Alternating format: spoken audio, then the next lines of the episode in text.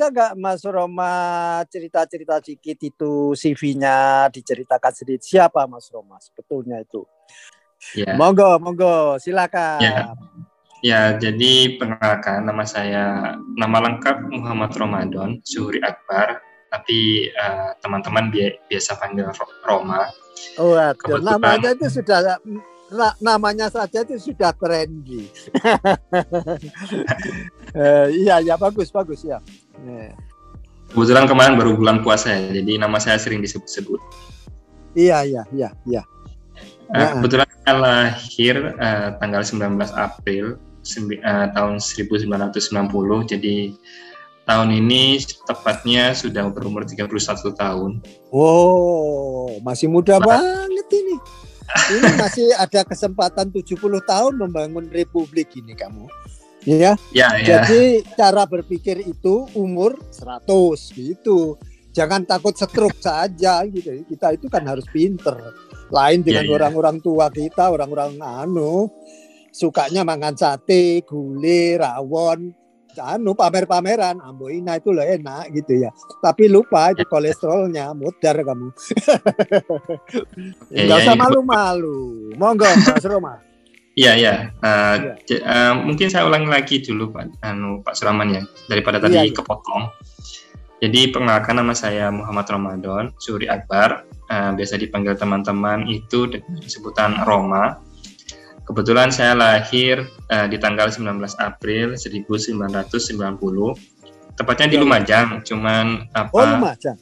Iya, oh. tempat tanggal la, tempat lahirnya di Lumajang, tapi karena ayah ini orang Madura dan kembar dan bekerja di Madura, jadi uh, dari kecil saya sudah di Madura. Jadi setelah lahir langsung hmm. dibawa ke Madura gitu. Ngomong-ngomong, bapak itu siapa? Bapak itu siapa?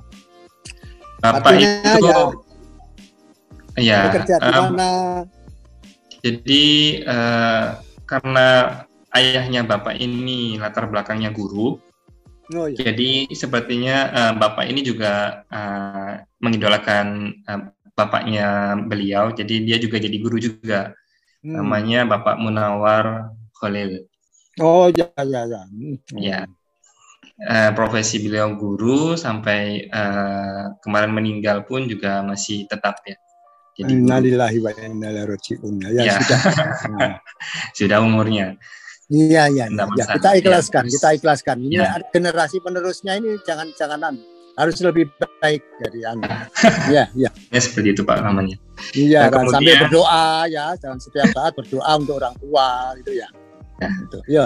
Terus masa kecilnya saya habiskan di Kamal ya. Jadi SD uh, dan SMP itu di Kamal kemudian apa uh, untuk jenjang selanjutnya saya kebetulan karena dari SMP ya. Uh, itu suka iya, dengan elektronik. Iya. jadi dari SMP suka elektronik. Saya uh, ca cari sekolah yang kebetulan apa di SM sekolah menengah kejuruan di Bangkalan itu ada gitu yang ada hubungannya dengan elektronik. Itu. Oh, jadi iya. akhirnya saya masuk ke SMK 2 Bangkalan SMK 2 di Bangkalan itu posisinya di mana? Itu di Melajah. Melajah itu ya? Bukan di Melajah. Uh, iya, uh, kalau para dekat kuburan uh, itu ya, dekat kuburan. Oh, enggak jauh, Pak. Enggak jauh. Jauh. Jadi ada jalan oh, baru sekarang, Pak. Ada oh. jalan tembus dari uh, pintu masuk Bangkalan kalau dari Kamal itu ke Burne itu ada jalan tembusan. Iya, nah, iya, iya. iya di tengah-tengah antara itu ada sekolah menengah kejuruan. Yang itu sekolah kedua di kota Bangkalan dulu. Seperti itu. Nah uh, karena sangat uh, sukanya dengan elektronik uh, jadi uh, saya memutuskan uh, untuk kuliahnya juga ingin ambil uh, bidang yang ada hubungannya dengan elektronik. Akhirnya masuklah ke ITS Oh, bagus lah bagus bagus mirip-mirip, mirip-mirip ini nih yang sering nanya-nanya saya itu juga mulai awal waktu mahasiswa ya elektronik aja alat-alat apa alat-alat laboratorium. Karena laboratoriumnya nggak lengkap ya saya buat sendiri juga. Jadi apa hmm. agak usil juga saya waktu mahasiswa itu juga membuat alat-alat laboratorium buatan sendiri dengan akal-akal sendiri. Makanya Sama. pada waktu itu iya dagel-dagel juga saya itu alat-alat laboratorium karena buatan saya sendiri. Saya jadi disuruh asisten juga oh. untuk dua tahun di atas saya, teman-teman yeah. saya dan yeah dua tahun di bawah adik kelas saya. Jadi ya agak na antara nak nakal dengan agak aneh-aneh gitu. Oke lanjutin. seneng saya. Iya. Saya seneng. Jadi kayaknya kita mirip-mirip juga ya Pak Rahman. Soalnya ya, dari itu makanya harus uh, sama disinergikan ini. Iya, saya kan sudah kan, anu jadul lewat ini. Hampir 70 tahun lagi. Uh, masih muda lah Pak ya, 70 tahun. Iya, masih 30 iya, tahun. Masih ada 30 tahun Pak ya. Iya, jatahnya kan 100. Jadi iya, kita itu benar, jangan benar. jangan jatah itu aduh kalau seket nah orang orang Jawa itu menggunakan seket itu wis cidek rek. Wis ngantri lah. lah itu apa? Jadi iya. ya kadang-kadang ungkapan-ungkapan apa peribahasa-peribahasa lokal itu untuk kita nggak cocok. Jadi jadi hmm jadi ada yang cocok, ada yang nggak cocok. Atau bisa kita siasati. Peribahasa itu mbak benar, sebetulnya benar untuk masa itu. Gitu loh. Ya, ya, ya. Tapi ketika masanya sudah, waduh, zaman roket sudah diluncurkan sampai Mars, eh? Kok ngomong-ngomong masih cakar-cakaran. Kita iya. ini masih cakar-cakaran, hanya beda apa? Ah, itu kalau sholat itu kakinya kalau nggak gitu kalau kakinya begitu itu nggak sah kalau nggak sah nggak diterima seumur hidup lo yang membuat yang membuat hadis seperti itu tuh siapa itu iya jadi ya, ya, jadi ya sudah kita harus problem memperbaiki. kita masih di sekitar itu iya, saja. Iya, iya, iya, ya. Terus anu, anu, jadi sudah saya tangkap lah pendidikan luar biasa, pendidikan luar biasa. Uh, ini uh, uh, ada masukan enggak? Pak iya. Didin, Didin, aneh saya tanya Didin ini. Kalau ada, kamu ada di sana enggak, Din? Iya, gimana nih? enggak, kamu memberi masukan enggak ini? Ini kan sesama milenial ini. Oh, oh. wah enggak. Mas cerita cerita anu Wadi, cerita langsung aja Wadi. Kan, oh gitu. Iya, saya nanti biar saya yang edit-edit nanti yang masalah itu. Oke. Okay. oh, okay. oh enggak, enggak. Iya. Masnya ya, Mas Ramadan. Uh, Masnya itu Mas. Uh, desain uh, anu Mas, produk desain ya. Waduh. Iya, produk desain. Iya. Saya lihat. Nah, nanti nanti saya, saya sarankan setelah podcast ini hmm. kontak pribadi Ya. kalau ya. perlu, kalau perlu startup itu harus dikerjakan bersama atau atau gimana, terserah. Oh. Ya. Tadi itu itu ya, iya, startup juga iya. ya. Kalau perlu itu, kalau misalnya kita itu bisa saling membantu lah, ya, saling iya, membantu. Ya, ya. ya. ya Itu saja. Oke, kita lanjutkan. Nah, Mas Roma. Ya, siap. Nah. Saya cerita dikit boleh ya, Pak ya? Oh boleh, justru ceritanya ini yang saya tunggu. Kalau yang lain-lain itu nggak penting ceritanya ini. Iya, ya gimana? Iya, iya. Gimana? Jadi apa ya? Sebagai milenial itu apa melihat kondisi bangsa uh, Indonesia sekarang ini ya di apa sejajaran sejajaran yang sama dengan umur saya uh, dan kondisi Madura apa masyarakat Madura pada umumnya, apalagi pemuda-pemuda sekarang ya. sebenarnya bukan bukan miris, cuman uh, sebenarnya kita bisa lebih daripada ini. Cuman apa? Hmm, setuju, setuju, setuju. Cuman karena dari uh, jadi perkembangan teknologi kita generasi milenial itu termasuk apa generasi yang uh, perkembangan teknologinya itu sangat cepat ya. Jadi dari uh, kita pertama kali pegang HP, handphone, iya, iya. handphone yang dulu jadul tahun 2006 uh, mungkin ya, itu sampai ke sekarang tahun ini itu perkembangannya sangat cepat sekali. Jadi dari yang ringtone-nya masih tilut-tilut sampai yang sekarang musik, itu per, apa kita mengalami semua itu. Jadi uh, untuk uh, beberapa uh, level masyarakat yang memang apa namanya uh, tidak bisa mendapatkan pendidikan yang lebih daripada kita mungkin karena kita, karena karena kita punya privilege ya uh, orang tua kita mampu menyekolahkan kita menjadi uh, lebih tinggi dan akhirnya punya wawasan yang lebih daripada yang lain, pada akhirnya kita masih bisa memfilter. Jadi teknologi yang baik itu seperti apa, teknologi yang se pemanfaatan teknologi yang uh, baik seperti apa dan yang tidak baik seharusnya diapakan seperti itu.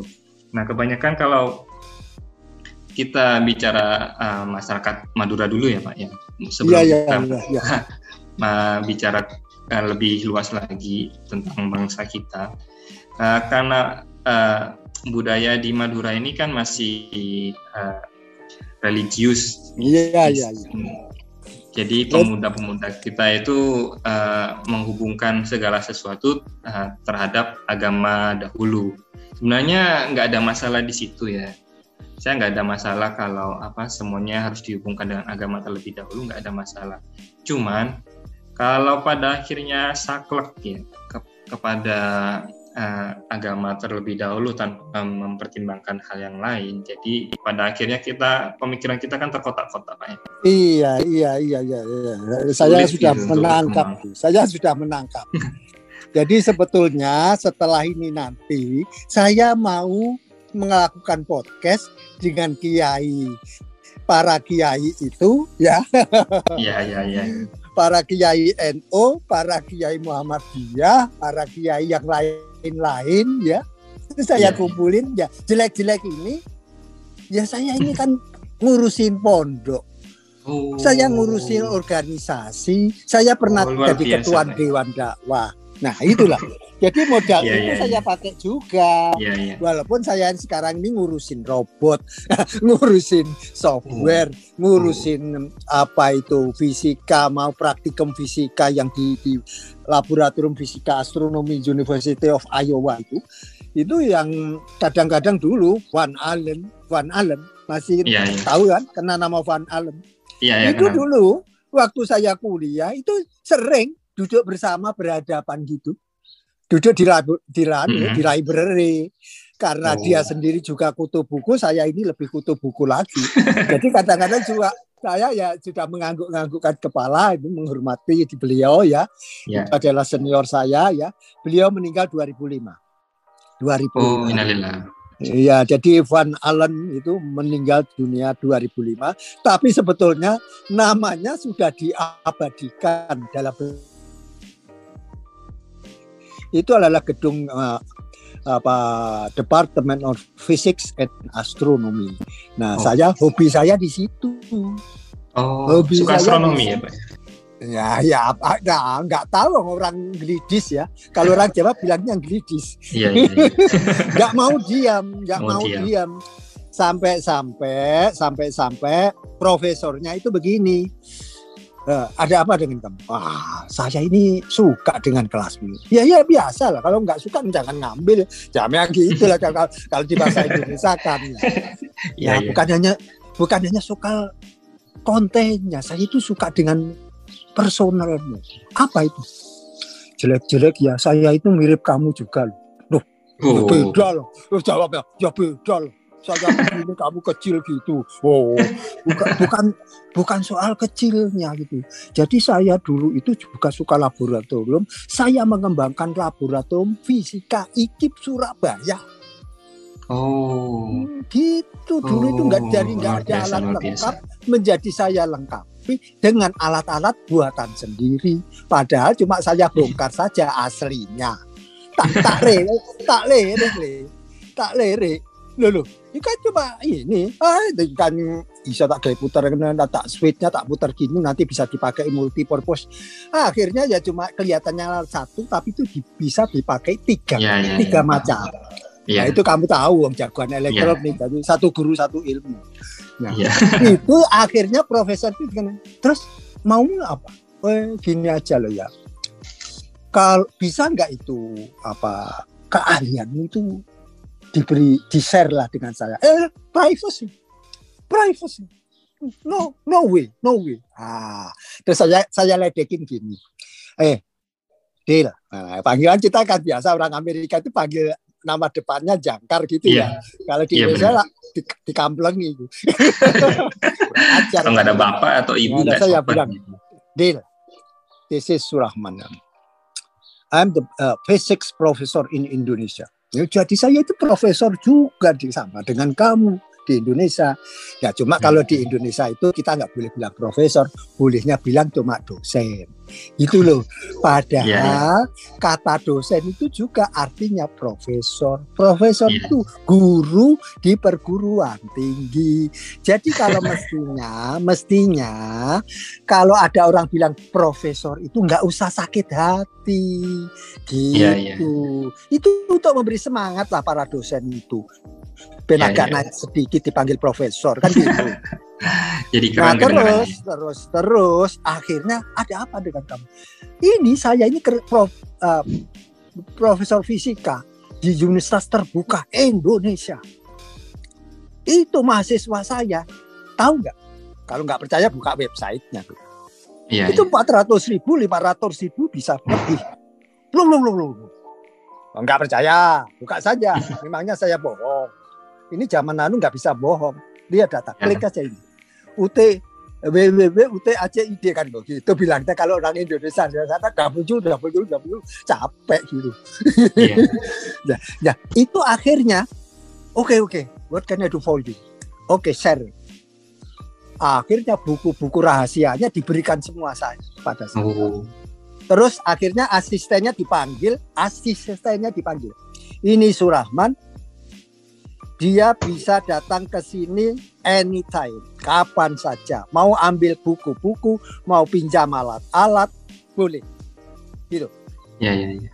Nah, wah akhirnya ya ya udah kelakuannya sudah diberi kebebasan gitu semua itu saya rampok ibaratnya buku-buku itu saya scan semua itu ya kadang-kadang saya di ya. digitalnya Nah, alat-alat itu saya pelajari semua. Ya sebetulnya, oh. ya. Tapi sampai di Indonesia ya nggak nggak tersalurkan, le, nggak tersalurkan. Oh. Jadi itu greget itu sampai sekarang ingin membagi ini yang ada di kepala saya ini untuk siapa ini? Ini, ini untuk siapa ini? Kalau nggak yeah, untuk iya, iya. anak-anak yeah. milenial ya nanti kita berbagi. Yeah, yeah. Oke, okay. yeah, sekarang okay, ini okay. anu artinya mengapa sekarang Pak Suraman ini walaupun di di Amerika itu tetap di laboratorium ini bekerja sama Bini ya kadang-kadang saya ya tidak dua minggu sekali. Kalau males ya satu bulan sekali. Nah, gunanya apa? Untuk nantang profesor itu. Apa penemuan terbaru? Nah itu. Nah akhirnya kamu minta apa? Saya minta dua tahun terakhir. Terus oh ya hmm. akhirnya diserahkan saja satu bendel satu bendel itu jurnal-jurnal fisika temuan oh. seluruh dunia. Nah kalau kamu kamu mau nanti saya send Asik, ya. oh iya nanti saya bagi untuk kamu lah. Ya oh, untuk siapa yang mau? Ya. gratis gratis. bisa bayar. Oke oke thank you. Ayo lanjutkan kami iya iya. Iya terus gimana cita-citamu lagi? Ya, eh, jadi karena kekhawatiran berangkat dari kekhawatiran yang seperti itu, jadi eh, sebenarnya dulu sebelum saya menikah dengan eh, anaknya Pak Sugiono ya, saya sempat mendekati apa Pak Sugiono juga maunya dulu planning saya dulu. Eh, jadi ini ceritanya saya belum kenal nih dengan eh, eh, Bapak Sugiono. Jadi ya, tapi ya. karena dulu ada greget ingin apa men-share, jadi apa yang saya pelajari di ITS dulu pengen saya bawa ke Madura jadi akhirnya saya mau bikin buat pelatihan gitu kan uh, tentang robotik kebetulan saya juga suka robotik. Uh, uh, jadi hmm. saya ingin uh, berbagi ke apa kalangan muda-muda. Jadi waktu itu uh, maunya ke anak SMA atau SMK yang sejajar.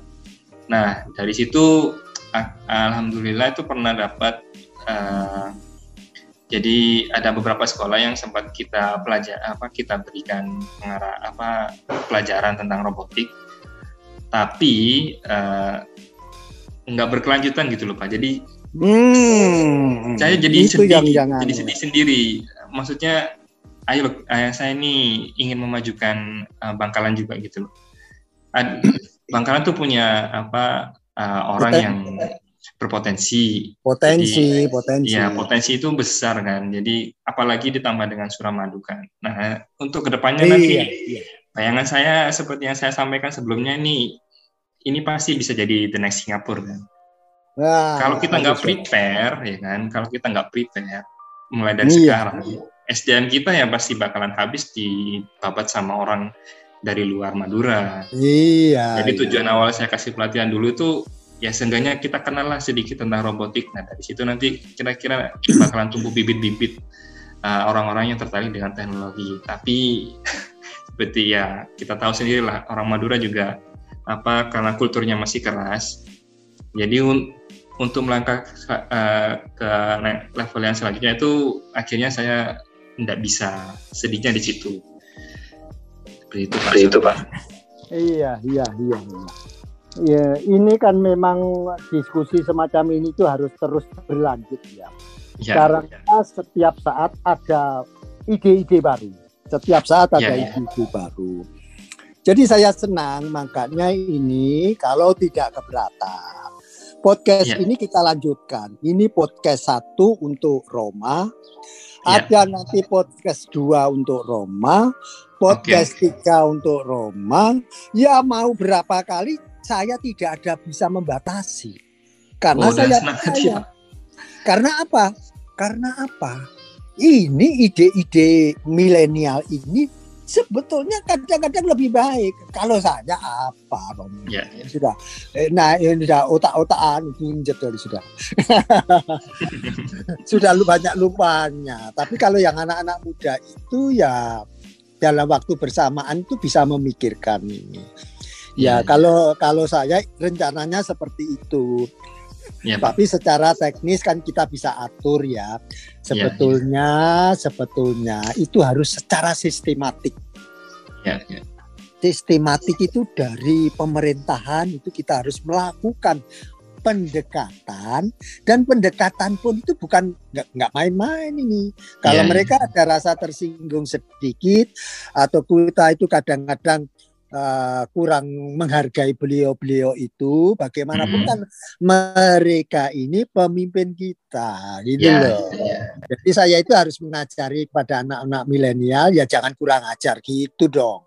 Dengan orang-orang tua kamu memang lebih pinter. Yeah. Tapi ya tua itu yang uh, pernah membesarkan kamu. Iya benar.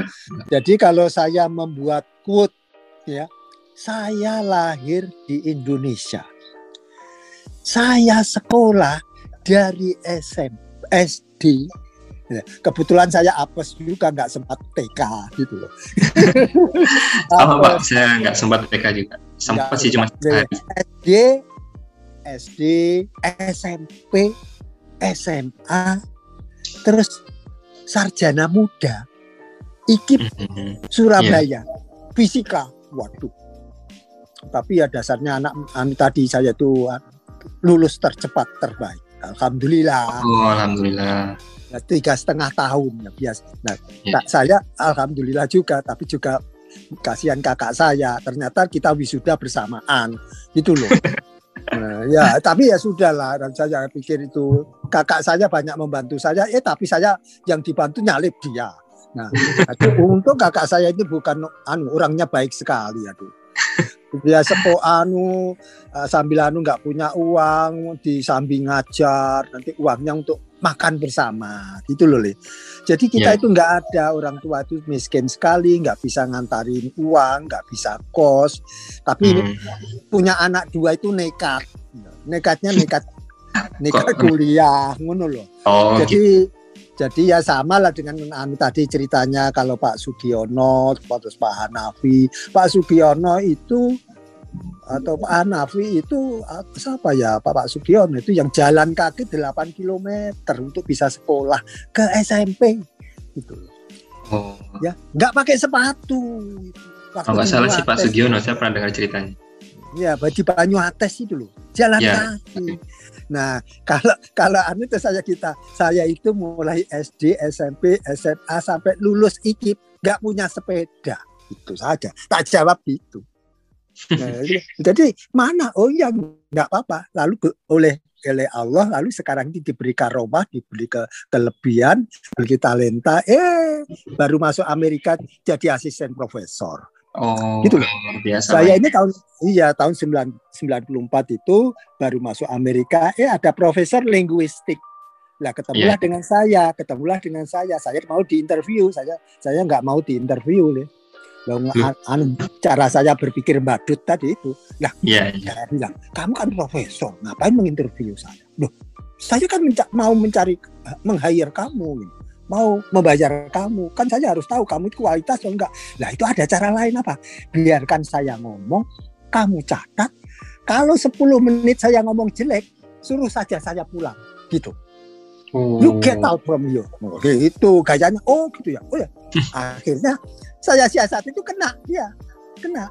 Akhirnya saya nerocos 30 menit gitu loh. Iya, Setelah iya. 30 menit dicatat bukunya habis. Karena terlalu setelah banyak bukunya yang habis, setelah bukunya habis apa? Setelah bukunya habis itu, oke okay, oke, okay, you are done. What do you mean by done? Ah, my book out. Oke, okay, oke. Okay. You are assistant professor of linguistics in the University of Iowa, USA. Oh. Wow, thank you, thank you, thank you, thank you. Ya sejak itu, sejak itu saya menjadi asisten profesor dibayar pemerintah federal. Oh. Iya, jadi saya itu punya hak pensiun. Walaupun jadi saya walaupun saya orang Indonesia, saya tetap saja pegawai federal.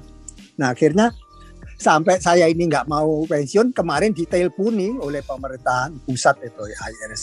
Kamu ini gimana? Kok nggak mau pensiun? Ambil saja pensiunmu. Oh gitu. Terus sebetulnya saya itu nggak mau anu menolak gitu. Biasanya saya bisa badut juga. Kalau badutnya saya biasanya gini, kamu itu kok maksa-maksa saya pensiun? Memangnya ada aturan saya harus pensiun? Kalau saya tembak gitu, oh oke okay, yeah. okay, I'm sorry, I'm sorry. Terus bilang gitu kalau orang Amerika itu. Tapi terus yeah, saya yeah. kayaknya, oke okay deh, no problem, no problem. Jadi terus akhirnya kemarin ya sudah kita anu interview. Iya, mau mau interview. Ya. Siapa namamu? Memangnya saya lupa nama saya. ya, dan siapa ini, siapa ini akhirnya aja baru saja cuma lima menit ya sudah selesai cukup. Kamu kamu tinggal terima pensiun. Oh iya, kamu mau dihitung kapan? Nah, saya itu bisa memilih itu. Kamu mau tahun lalu, bulan Januari, mau bisa April, mau Mei, atau mau Juni, atau terserah kamu. Ya sudah yang terakhir aja Juni. Tahun ini Pak? Ya, iya. Oh, iya. Oh. Eh, iya. Tapi arti tidak berarti bagi siapa-siapa. Nanti itu saya juga kalau misalnya saja saya ada job yang gajinya uh, saya mau, misalnya saya mau ambil job yeah. yang gajinya itu eh, dua ratus ribu US dollar per bulan, misalnya. Saya bilang saya nggak ambil tuh pensiun tak gagalkan. Kenapa? Nggak saya ambil nggak pakai. Kenapa? Sebab kalau sudah ambil pensiun itu saya dibatasi lima puluh ribu lima puluh ribu oh, itu arti gitu. iya lima puluh oh. ribu itu artinya saya satu bulannya itu uh, sekitar 60 juta 65 yeah, yeah. juta lalu terus saya lalu kalau bisa 200 juta ngapa saya ambil 60 juta nah, apa harus yang lebih kecil pak ya eh apa kenapa harus yang lebih kecil kalau ada yang 200 Nah, ya itu makanya kamu anak milenial, teman-temanmu Indonesia itu bilangin jangan rebutan yang 3 juta 4 juta itu. Eh? oh, jam eh, tiga uh, juta, empat juta sudah lulusan S2 dibayar 4 juta. Itu. Iya ya. Iya, lulusan S2 dibayar 4 juta. Itu kepalanya siapa kok anu? Padahal di sini, kepada di sini di Amerika ini kemarin ahli cyber security 500 iya. ribu. 500 ribu. 500 ribu. 500 ribu sekarang ini dibuka kalau mau tinggal berangkat. Yeah, yeah. Ya, tapi nanti saya nggak memprovokasi loh ya. Kamu berangkat nanti meninggalkan tanah air. tapi nggak, saya itu sebetulnya tetap ber, berjiwa terbuka, nggak mau dibatasi oleh geografi. Iya iya. Gitu yeah. loh. Saya juga nggak mau kamu itu, anu, aduh, saya kan punya mertua, Pak. Mertua, mertua saya melotot, Pak Rahman. Kalau anu, ya nanti mertuamu, mertuamu kalau melotot Pak Rahman genti melotot ke mertuamu juga. Tapi dalam waktu oh. dekat oh. saya memang ada plan kok Mbak. Uh, jadi okay, mungkin mau uh, keluar ya, cuman uh, sebelum ke sana saya tuh seenggaknya pengen membuat uh, apa ya meninggalkan sesuatu untuk uh, Madura gitu sedikit. Itulah, walaupun nggak banyak sedikit gitu loh. Itulah maksudnya. yang kita tunggu. Itulah yang kita tunggu. Jangan meninggalkan Madura sebelum membuat prasasti prasasti itu kan peninggalan-peninggalan berat bahwa yang semula rakyat Madura itu maunya bapaknya jualan sate, anaknya dipaksa berjualan sate. Nanti saya nah, mau mendatangi orang tua-orang tua yang jualan sate, nanti saya mau beli satenya gitu. Setelah beli satenya, Pak, boleh nggak saya borong semua sate ini? Hmm. Kok, kok, kok, mau? Mau strategi saya kan begitu biasanya membuat yeah, yeah. Iya. orang. Yeah. Ah, mau apa? Enggak, saya cuma minta satu. Saya mau borong sate ini selama seminggu saya borong, saya bayar kontan. Tapi minta satu saja permintaan saya. Wah, ini kok ada orang aneh ini. Mesti kan gitu. Ini kok ada yeah. orang aneh. Sate saya seminggu diborong, dibayar kontan di depan. Tapi minta satu permintaannya cuma satu. Boleh nggak anak-anaknya bapak saya ambil? Saya borong semua anak cucu bapak saya ambil. Saya biayai saya kirim sekolah saya kirim kursus. Nggak jangan disuruh bekerja. Nah, nanti kalau nanti kalau pendapatannya 200 juta tiap bulan yang 100 juta gratis untuk nggak usah jualan sate lagi. oh gitu ayo, oke, okay. engki engki. Oh, habis saya borong semua itu. Yang jualan soto, yang jualan, yang jualan apa? Besi bekas, yang jualan rawon apa? Nggak apa-apa. Kita berhenti di orang tua. Anak nggak boleh. Ya. Anak sudah harus nomor satu, nomor satu, nomor satu di bidang ini, di bidang ini, di bidang itu semua bidang. Jadi kita tidak hanya di bidang IT saja, kita di bidang di bidang fisikanya harus nomor satu, biologinya nomor satu, uh, kimianya nomor satu, uh, pelajaran-pelajaran lain juga harus nomor satu, termasuk sastra dan budaya. Itu loh. Jadi inilah cita-cita Pak Surahman dan bukan sebetulnya cita-citamu juga.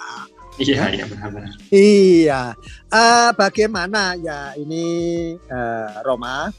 Ya. kita podcast ke satu ini sementara kita hentikan ya. di sini dulu supaya oh, nanti kamu bisa mengeksplor oh, iya, podcast ya, berikutnya. Nah, nah nanti kita hentikan dulu. Saya mau tanya juga nanti kepada saudaramu yang ada di Surabaya nanti gimana tindak lanjut berikutnya. Oh, uh, bisa nggak, anu sebelum ini ditutup, Roma membuat ke kesimpulan ya. Oh ya. Satu ya terserah. Anu satu menit dua menit silakan. Monggo. Uh, iya pak. Uh, terima kasih ya atas kesempatannya. Jadi, uh, Jadi disampaikan kepada audiens. Di audiens. Iya. Audiens itu bisa orang tua, pejabat, Pak Bupati, Pak Lurah, Pak Camat, Pak Gubernur, Pak Presiden, Pak Menteri, ya itu bisa bahwa inilah jeritan ya. milenial terserah. Ya kepada semua uh, audiens yang mendengarkan ya tidak terbatas uh, siapa pun itu saya sebagai milenials Ma Madura jadi ingin menyampaikan sebenarnya Madura itu punya banyak potensi di uh, uh, SDM-nya jadi uh, mohon untuk tidak apa membatasi pemikiran-pemikiran para pemuda. Kalau sebenarnya kita ini uh, punya potensi yang lebih daripada yang Bapak pikirkan atau Bapak uh, saudara-saudara pikirkan. Contohnya seperti apa ya? Banyak teman saya maupun pengalaman pribadi saya, saya kita ini bisa lebih uh, uh, punya apa namanya pemikiran yang lebih daripada um, orang lain.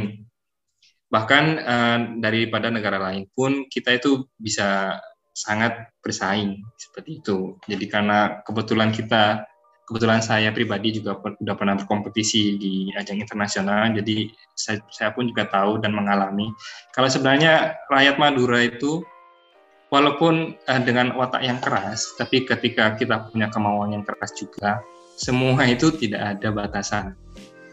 Banyak yang bisa kita lakukan, mulai dari hal uh, yang remeh-remeh pun itu bisa kita kerjakan seperti itu. Dan uh, pesan satu pesan terakhir, uh, percayalah pada apa yang kita pikirkan. Jadi jangan pernah membatasi pemikiran kita sehingga uh, nanti apa yang sebenarnya bisa kita kerjakan, tapi karena batasan dari pikiran kita, kita tidak bisa melakukan apa yang ingin kita kerjakan seperti itu, Pak. Terima Sementara kasih, terima kasih, ya. terima kasih. Uh, sampai sekian dulu. Uh, Assalamualaikum. Warahmatullahi wabarakatuh. Waalaikumsalam warahmatullahi wabarakatuh.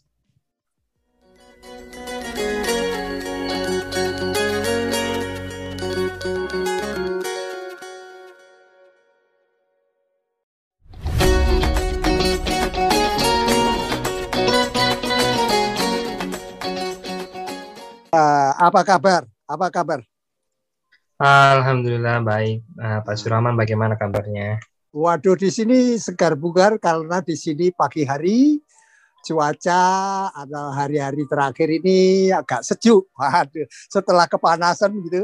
Jadi kita ini sudah mulai panas, tapi juga kembali lagi sejuk. Dalam sejuk tidak terlalu dingin lah, oh, tidak terlalu dingin. Anggap seperti di Malang gitu saja.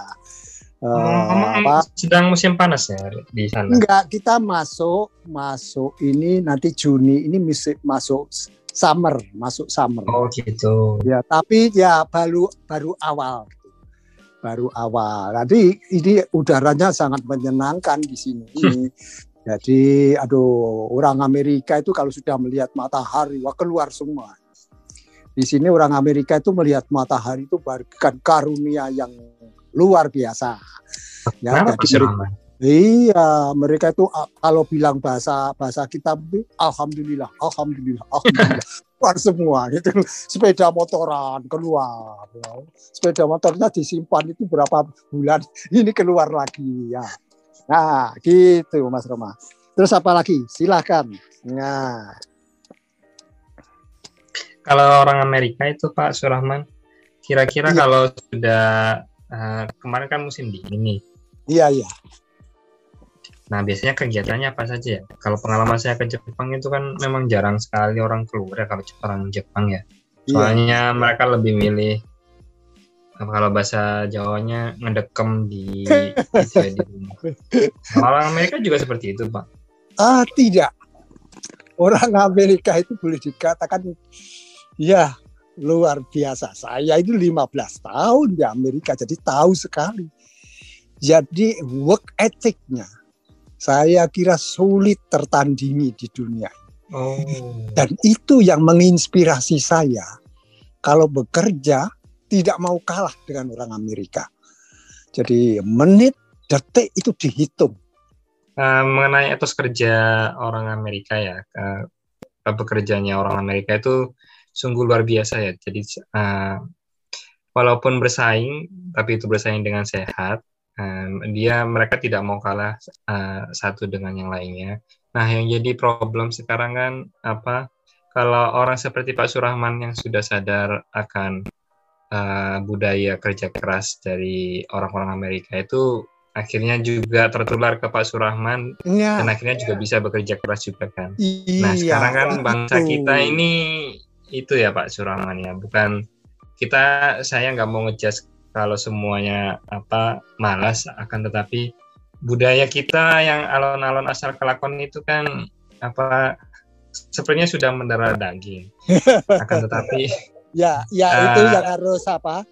Katanya Allah ya ya. kita tidak akan bisa merubah takdir kalau kita tidak merubahnya sendiri kan gitu nah, ya ya ya coba ya. kita lakukan pendekatan persuasif ya kita tidak ya, bisa ya. memaksa ya. itu itu ya. itu kalau bahasa bahasa komunikatif saja hidayah Allah, nah, petunjuk Tuhan. Jadi kalau petunjuk Tuhan sudah sampai, apakah bisa melalui apa? Kadang-kadang nggak sengaja suara kita yang ngomong begini itu didengarin. Oh, ternyata orang Amerika itu kalau kerja gila-gilaan. Apa? Bukan gila juga. Artinya dia itu, mereka itu, orang Amerika itu tidak mau korupsi waktu. Jadi ya, kalau ya. bekerja itu, bekerja itu satu jam itu betul-betul satu jam itu kerja. Jadi nggak ada satu jam itu ah, cari nafas dulu, anu 15 menit, cari nafas 5 menit. Ya itu pengalaman saya di kantor dulu, iya. datang jam datang jam 7 apa kupluknya itu kopiahnya diletakkan di atas meja gitu. Ya kita langsung anu apa ke kantin gitu, di kantin ngobrol gitu Iya. Nah, itu pengalaman saya dulu. Saya banyak dosanya juga gitu. nah, itu ya. Bagus Mas Roma. Jadi ini ini bagus. Saya senang dengan Mas Roma dari dari Jepang. Ya, yeah. saya lama di Amerika. Nah, uh, kalau anak saya memang pernah ke Jepang karena mewakili uh, itu apa mahasiswa terbaik Indonesia untuk ke Jepang. Jadi pernah oh, ke Jepang, ya pernah ke Meksiko. Jadi pernah ke Meksiko 2007 itu ke Jepang, ya 2008 ke Meksiko. Jadi jadi eh, bahasa komunikatif lebih baik. Waduh, kita harus uh, kompetitif ya secara iya, iya, internasional kompetitif. Indonesia will, will be uh, the next ya. The next. Jadi bukan kita itu nomor 70 Bukan. kita itu uh, paling deket-deket ya yang kita sekarang secara ekonomi ya kita itu kan sudah masuk G20 ya. Oh, iya. G20 itu ya, G20. ya secara ekonomi. Tapi sebetulnya kita itu bukan 20. Kita bisa nomor 4. Gitu, Mas Roma. Oh, kalau nomor 4 ini dilihat dari apanya Pak Suramannya? Ah, itu nomor empat itu bukan sekarang. oh, paling oh, the nextnya di in the future pak ya. Dalam waktu 25 tahun. Paling ini, paling lama ini. Ini yeah, bukan iya. kira-kira yeah. paling lama. Apakah bisa lebih cepat? Tidak bisa. Bisa. Dari mana? Mari kita sama-sama. Jadi bersama-sama tanpa sikut-sikutan ya ngerti kan ya. bahasa sikut-sikutan. Ya, mengerti. mengerti Jadi sekali. kita itu kadang-kadang salah beda sedikit agama, beda sedikit golongan, beda sedikit partai. Aduh, waktunya capek untuk untuk saling salingan. Ya itu menunjukkan jadi, sensitivitas warga kita ah, yang ah, sangat tinggi sekali. Ah, ya. Jadi ya ya sudah, itu adalah tantangan kalau saya. Ya. Tantangan ya benar, yang benar. Eh, setiap tantangan itu membawa hikmah membuat kita itu makin dewasa makin kuat nanti begitu tantangan itu hilang kita itu larinya jauh lebih cepat dari hmm, yang nomor satu di dunia Amerika Serikat ini jadi Amerika Serikat ini kalau lengahnya nanti kita salib juga gitu jangan kan jangan takut ini Ya, iya, amin ya alamin. Ya. Amin, ya. Iya, terus Mas Roma. Ya. Kalau kita kerucutkan ya Mas Rahman ya. Boleh, uh, boleh kalau bahasan kita kan apa telah, uh, mengenai Indonesia dulu kak rasanya terlalu luas ya. Ah, kalau iya. kalau saya sebagai orang Madura sendiri kan melihat uh, rekan-rekan sama adik-adik juga itu kan apa namanya kok eman gitu ya. Kalau dilihat dari orang orang-orang tua kita sebenarnya masyarakat Madura ini kan punya apa etos kerja yang sangat tinggi, semangatnya iya, juga iya. sangat tinggi. Kerjanya luar biasa. Ya, Madura benar. sudah kita tinggal mengarahkannya aja. Ya, mengarahkannya ini yang masih susah karena kita masih iya. terbentur dengan banyak, apa namanya banyak segi banyak hal ya dari agama dan lain sebagainya banyak sekali iya, yang harus iya. yang menjadi tantangan kita. Nah apa namanya ke, kalau kemarin uh, ini saya cerita mas ketika saya masih menjadi mahasiswa. Iya, iya.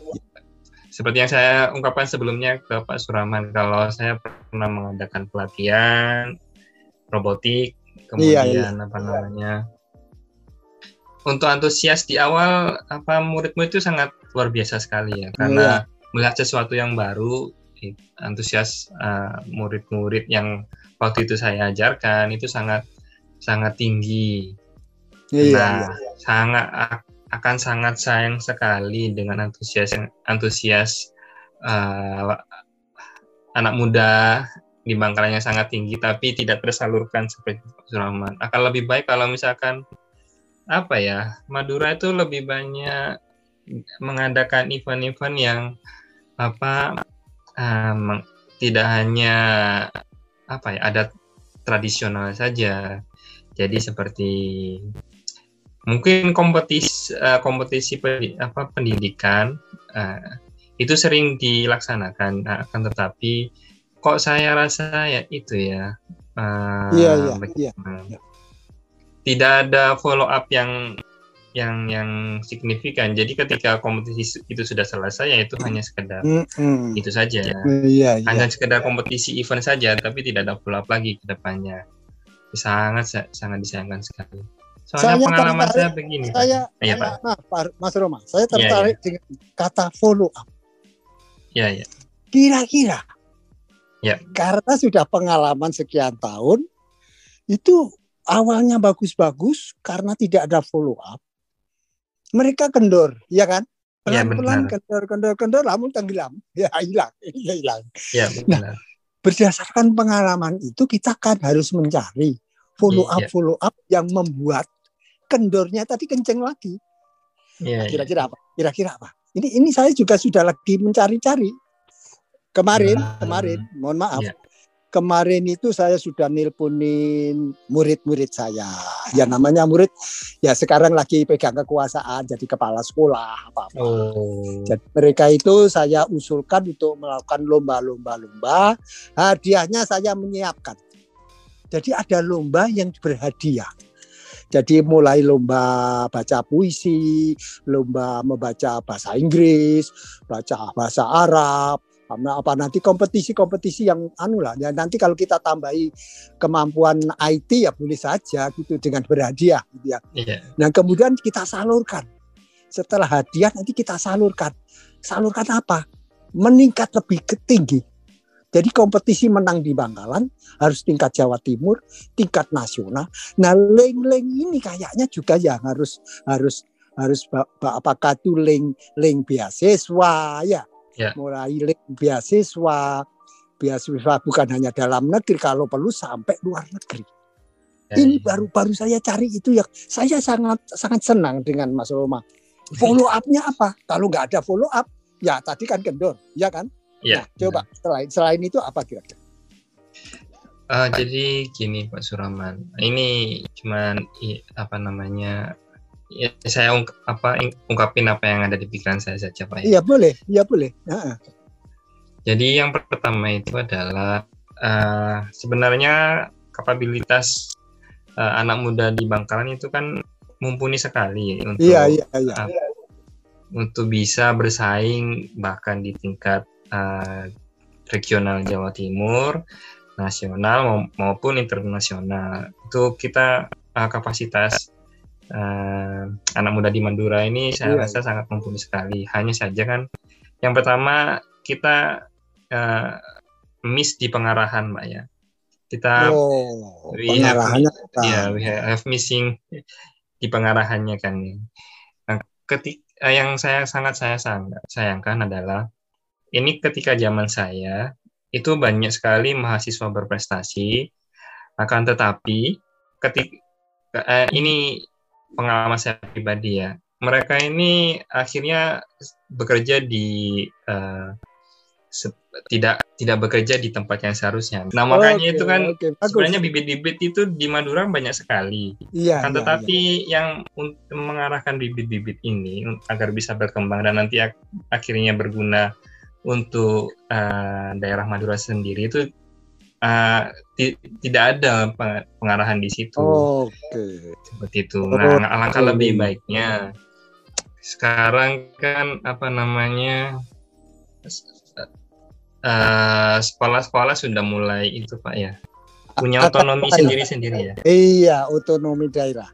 Ya, sekolah pun juga punya otonomi sendiri. Mereka iya. bisa mengatur uh, sekolahnya kan. Alangkah lebih baiknya kalau uh, sekolah itu juga bekerja sama dengan apa institusi-institusi kalau misalkan SMK bisa dengan perusahaan ya. Dengan perusahaan industri. Kemudian apa namanya kalau SMA mungkin bisa dengan universitas juga. Nah uh, kemarin itu yang saya tahu eh, SMK SMK di uh, Madura ini kan sangat sekali eh sangat sedikit sekali link iya, uh, iya, ke iya. dunia industri. Nah, gimana kalau kita banyakin juga yang nanti harapannya adalah kalau kita bicara SMK ya, mereka kan sudah punya skill. Iya, iya. Nah, maunya karena kita visinya adalah Madura is the next Singapore. Jadi iya, iya. ketika nanti Madura sudah mulai berkembang, SDM kita itu sudah siap. Itu maksudnya. Oh, good, good. Ya, ya memang bagus itu. Ya, ya. SDM, SDM harus meningkat. Ya. SDM benar. meningkat jika jika kita memberikan sekolah-sekolah yang pas. Ya, SMK, SMK. SMK, SMK itu harus harus anu termasuk supaya dapat job yang bagus ada ada link link dengan job, link dengan universitas sebagai pusat riset. Ya, pusat benar, riset benar. untuk secara kompetisi kompetitif internasional. Dengan dengan ini kita tingkatkan ya kita menjadi kompetitor, kompetitif gitulah. Kompetitor dunia gitu jadi bagus terus terus. Iya. Ya. Nah, kalau seperti saya nih Pak ya, Pak Suraman ya. Sekarang iya. kan saya sudah bekerja di perusahaan Jepang. Iya, iya. Nah, ilmu yang saya dapatkan itu hanya akan memperkaya perusahaan tersebut kan. Jadi kontribusinya iya. itu adalah ya saya pin saya pintar akan tetapi tidak ada gunanya untuk uh, daerah asal saya. Saya hanya memperkaya nah. si perusahaan tersebut. Nah, iya. kalau misalkan uh, pemerintah daerah punya apa namanya uh, seperti wadah gitu ya untuk mengumpulkan mungkin para cendikiawan-cendikiawan yang sudah tersebar ke mana-mana iya, iya. akhirnya kembali untuk berkontribusi ke Madura itu akan sangat uh, membantu sekali untuk pertumbuhan Madura itu sendiri. Iya iya. Nah, kayaknya perlu anu ini wadah ini wadah ini. iya.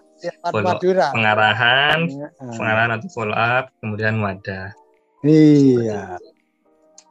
Iya. Tantangan kita kan seperti itu Pak Suraman. Jadi untuk menyadarkan pemerintah kalau sebenarnya bibitnya ada, kemudian apa yang bisa lah pemerintah lakukan untuk memberikan uh, untuk menemukan bibit-bibit ini agar nantinya bisa berguna bagi uh, daerah itu sendiri. Nah itu yang kayaknya ya, iya, kita iya. mulai pergerakan kita harus mulai dari situ dulu Pak Surama. Iya. Bagaimana iya. menyadarkan pemerintah itu? Jadi ternyata ternyata milenial Madura ini begitu hebat. Banyak yang sudah di posisi di luar negeri. Kita sudah kelas dunia ini.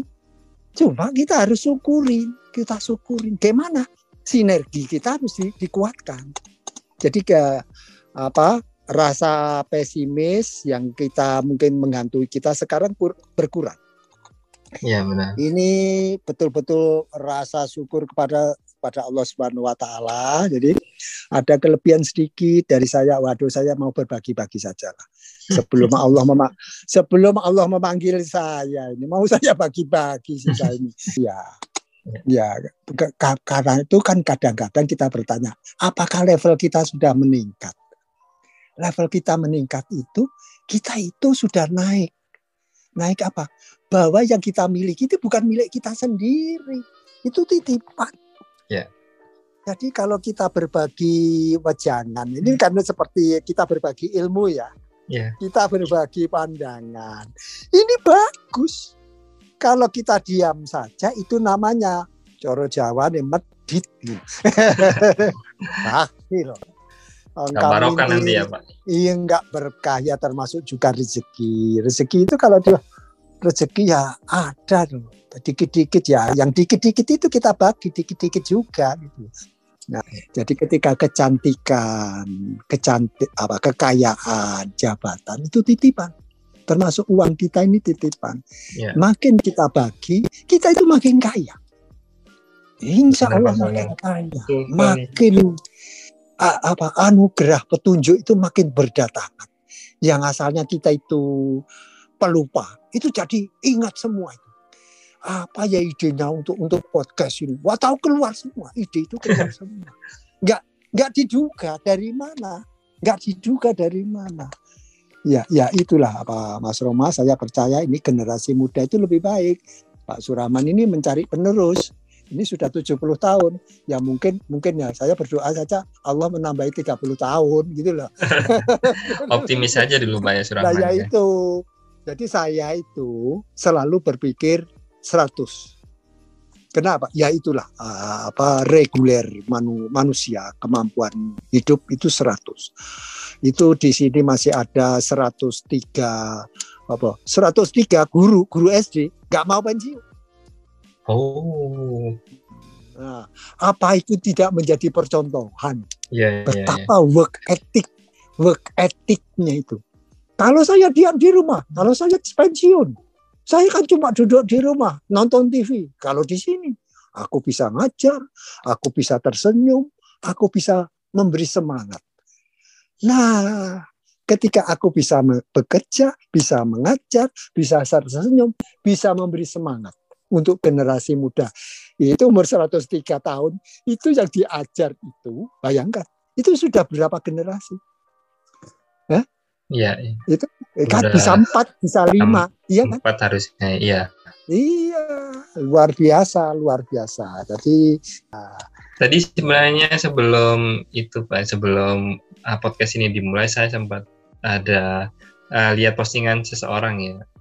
Jadi iya. benar sekali yang apa yang di, dikatakan sama Pak Surahman kalau sebenarnya Allah sendiri itu uh, tidak memuji uh, bukan tidak memuji ya tidak sering memuji orang yang berdiam diri di masjid yang selalu baca Al-Quran ah. yang sholatnya lima waktu. Tapi uh, Allah Subhanahu Wa Taala pun memuji sering memuji orang yang bekerja.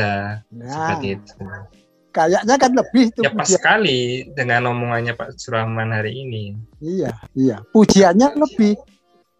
Pujiannya ke orang yang bekerja itu lebih dibandingkan yang wiridan Iya benar. Ya, ah, jadi oh, iya, Pak, uh, yang ini ada lagi yang ini saya diskusikan mengenai uh, kita sudah bicara tentang uh, misi mis kita masih di wadah ya. Iya, Kemudian pengolahan juga. Nah, yang ketiga itu adalah uh, akan lebih baiknya kalau kita bicara tentang SDM kita juga ya. SDM kita memang sangat bagus ya kan um, sangat mumpuni lah bisa hmm. sangat bisa sangat bersaing dengan uh, daerah lain maupun iya, negara iya. lain akan tetapi yang masih kurang menurut saya pribadi adalah uh, krisis PD pak ya confident iya, iya. kita masih uh, tidak tidak tidak bisa kita masih tidak bisa menunjukkan sebenarnya kita sudah bisa ini loh seperti itu Nah, ini yang jadi PR kita juga. Banyak teman-teman saya yang mungkin seperti yang saya bilang tadi, uh, teman saya sangat pintar, tapi ternyata hanya bekerja di tukang fotokopi ini ya. Nah, itu mungkin karena dia tidak pede untuk mengeksplor uh, dirinya, untuk menunjukkan dirinya kepada dunia luar. Ternyata saya bisa ini, saya bisa ini seperti itu. Iya. iya. Kira-kira nih kalau menurut Pak Surahman nih, iya. kalau saya kalau saya pribadi kan untuk uh, meningkatkan kepedean ini ya nggak nggak nggak nggak ada cara lain kalau nggak dari diri kita sendiri. Iya iya. iya. Kalau menurut Pak Surahman, mungkin dengan pengalaman Pak Surahman yang sudah selama ini sebagai guru ya, dan iya, dengan berbagai iya. murid, nah untuk meningkatkan kepedean eh, seseorang itu seperti apa Pak? Oh, bagus sekali. Pertanyaan ini pendek tapi berat juga jawabannya. Iya. Tapi bagus, bagus. Jadi uh, kita itu sebenarnya selama kita hanya berada di tempat yang sama. Di tempat sama umpamanya di Bangkalan ya kita tidak mau jalan-jalan. Kita tidak mau membandingkan ya. dengan orang Malang dengan orang Jakarta dengan orang Malaysia dengan orang Jepang dengan orang Amerika. Ya ya gitu-gitu aja. Tapi ketika ada semacam mau hijrah Nah ini nanti kalau saya usulkan ada link, link yang kita buat. Mulainya apa? Link komunikasi. nanti gitu. Jadi Mas Roma jadi bagus sekali. PD ini baru bisa terbangun jika kita komunikasinya sudah melebar. Selama ya, ya. kita ngumpul, ngumpulnya tetap bekerja di situ aja, nggak mau meloncat. Ya, meloncat ke Surabaya bagus. Meloncat ke Surabaya bagus. Meloncat ke Jakarta lebih bagus lagi. Tapi resiko itu selalu ada. Ketika kita berani Ketika kita berani, saya ulangi lagi. Ketika kita berani menanggung resiko apa pun, insya Allah, insya Allah lagi, Allah akan yang menolong. Itu yang harus membangun kepedean. Jangan ingin anu menang tapi berada di dalam di satu tempat, nggak bisa. Iya, Jadi uh, saya kalau dipikir dari Bangkalan langsung meloncat ke Jakarta, langsung meloncat Amerika. Gitu. Kalau kita itu ahli IT, ya jangan cari pekerjaan hanya di Indonesia. Itu ahli cyber security itu diperlukan saat ini menurutkan data yang terakhir yang terakhir saya ikuti ya, ya. 480 ribu atau 500 ribu lah angka yang anu, lebih akurat. Itu baru empat state itu di Amerika Serikat. Artinya kalau kita melihat keperluan dunia ahli yeah. cyber security, wow, jutaan men, jutaan, puluhan juta. Nah, kalau puluhan juta lowongan kerja luar negeri dengan gaji minim awal tahun ya minim yeah. Ribu dolar minim lima ribu US dollar Ah, di Amerika itu 2000 dolar kalau bujangan itu sudah sangat amat sangat mewah. Apa iya apartemen itu cuma 700 800 sudah hebat sekali. Iya. Ya, mobil lain-lain apa itu 2000 itu sudah mungkin makannya keliling. Makannya sudah keliling males masak. males ma makan kelilingnya enak terus. Ya, kalau enak terus. Itu sudah kaya raya 2000 tiga ribunya tiga ribunya. Ditransfer ke Bangkalan. Ditransfer ke Indonesia. Iya iya. Dalam waktu satu tahun kalau diikan secara matematik sudah saya hitungkan itu saya kirim. Nih nih nih pekerjaan di luar negeri di Amerika ini apa kalau kalau Bangkalan itu mau 100 orang saja Bangkalan itu mengirimkan 100 ahli cyber security. Waduh, 36 miliar satu tahun itu Bangkalan. Ya. Seandainya 36 miliar itu digunakan yang bijaksana. Aku yeah. tidak gunakan 36 miliar ini secara sia-sia. Tidak untuk beli mobil, tidak untuk beli ya barang-barang yang itu. Wah, mencari, waduh, Bangkalan hebat. Ah, itu kecil. Jadi pamer itu sudah bukan waktunya. Kita gunakan ini untuk seperti beasiswa. Untuk, untuk memberi makan. Makan gratis. Guru, murid, semua pegawai sekolah makan gratis. Dananya ini, ini. Kenapa? Oh kita punya punya uang 36 miliar. Hah? 36 yeah. miliar. Terus, anu, ini semua sekolah. Ini harus ada laptop, Wow, laptop-laptop sudah ada di sana. Komputer semua komputerisasi. Dari mana bang? 36 miliar. Tidak mengambil, tidak mengambil sedikit pun satu sen pun APBD. Iya iya iya. Ini sebetulnya saya kita kita bersama ini mancir membuat pundi-pundi uang kita ambil dari luar. Itu bukan korupsi, itu bukan ngerampok. Itu hasil kerja. Yeah. resmi kerja. Dan itu sah legal. Barang yang legal itu ya halal. Kalau barang halal digunakan untuk barang yang halal Allah itu memberikan lebih lagi. Jadi kalau orang-orang tadi ahli cyber security tahun pertama 5000 dijamin bukan kira dijamin pasti bukan 5000 lagi 7000 tahun berikutnya. Oh. Itu. Ini ini reality, reality di Amerika Serikat. Makanya Amerika Serikat itu menamakan diri the dream country. Seluruh dunia seluruh dunia ingin ke Amerika Serikat. Inginkan. Itu kenyataan. Itu Rusia, ya Rusia. Kamu kan tahu Rusia kan? Rusia. berani investasi sebesar itu, Pak ya? Apanya? Ya Amerika berani investasi sebesar itu untuk oh, merekrut orang-orang dari luar yang hebat-hebat tentunya ya. Bukan main Amerika itu orang atau negara yang paling pinter di dunia dalam mengumpulkan SDM. Ya, Jadi sepakat. orang pinternya, orang pinternya Indonesia diiming-iming siapa yang TOEFL-nya sekian apa dapat beasiswa ke Amerika. Sudah, nanti urusan kecil ya. Setelah masuk Amerika gimana? Diberi beasiswa.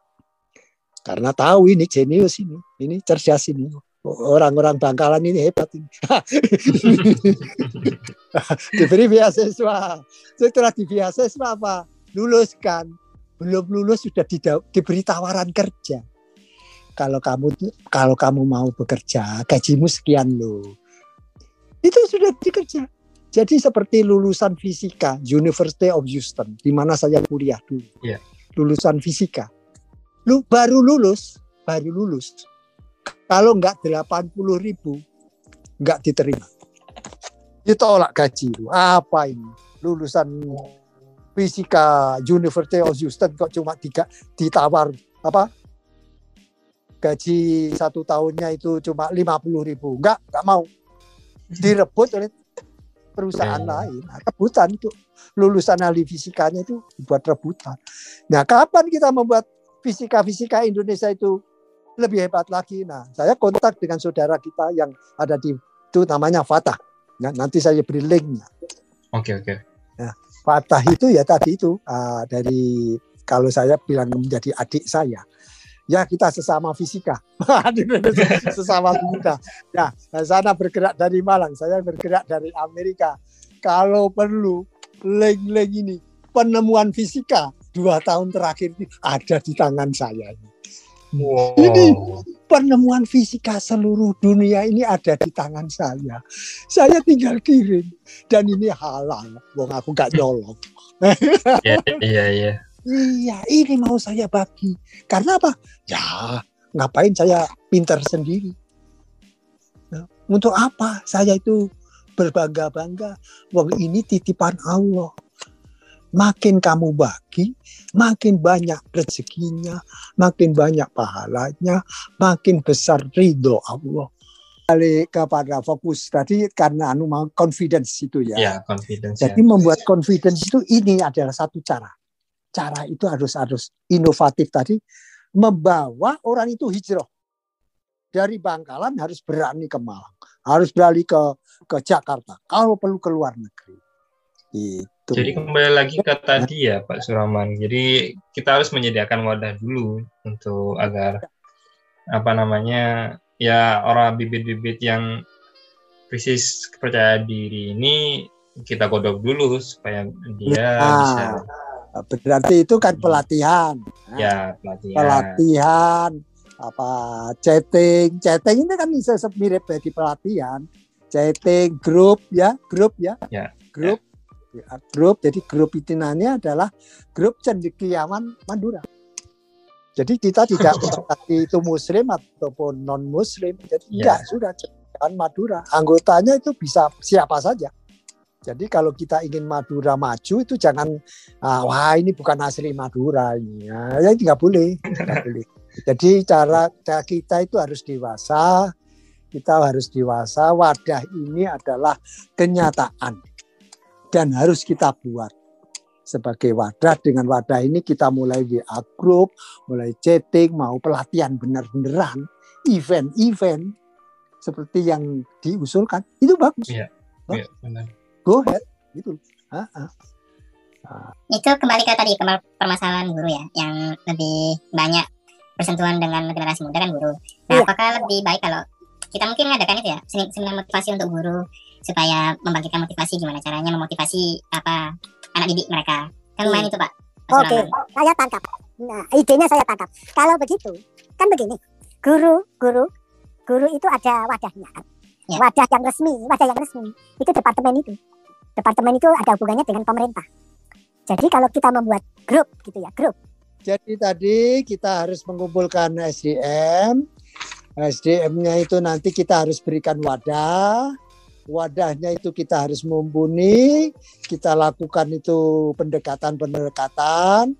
Janganlah wadah itu hanya guru saja, mungkin meningkat ke arah apa para para kiai juga dari sektor agama. Ya, benar. Jadi dengan link-link begini, insya Allah akan tercapai karena ini linknya nanti kita akan gunakan link link di dalam negeri itu kelompok Pak Habibie nanti ya. kelompok Amerika, kelompok Jerman, kelompok Perancis nanti akan memberikan semacam inspirasi yang lebih kuat. Jadi inspirasi. Jadi kita harus hijrah. Kita harus hijrah. Kita harus mendorong. Kita harus bersemangat. Itu. Sama tadi semangat. satu lagi Pak Suraman. Iya, apa?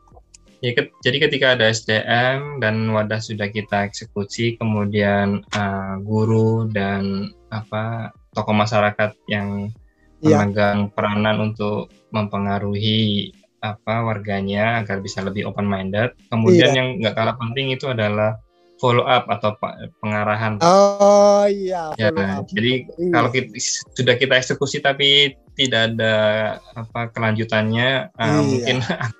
sia-sia iya. kalau uh, tidak diarahkan. Iya, iya. Follow up harus ada. Follow yeah. up harus ada. Kerja harus ada. Follow up ada link kerja ada. Link yeah. beasiswa, link keluar dalam negeri luar negeri. Oke. Okay. Ya.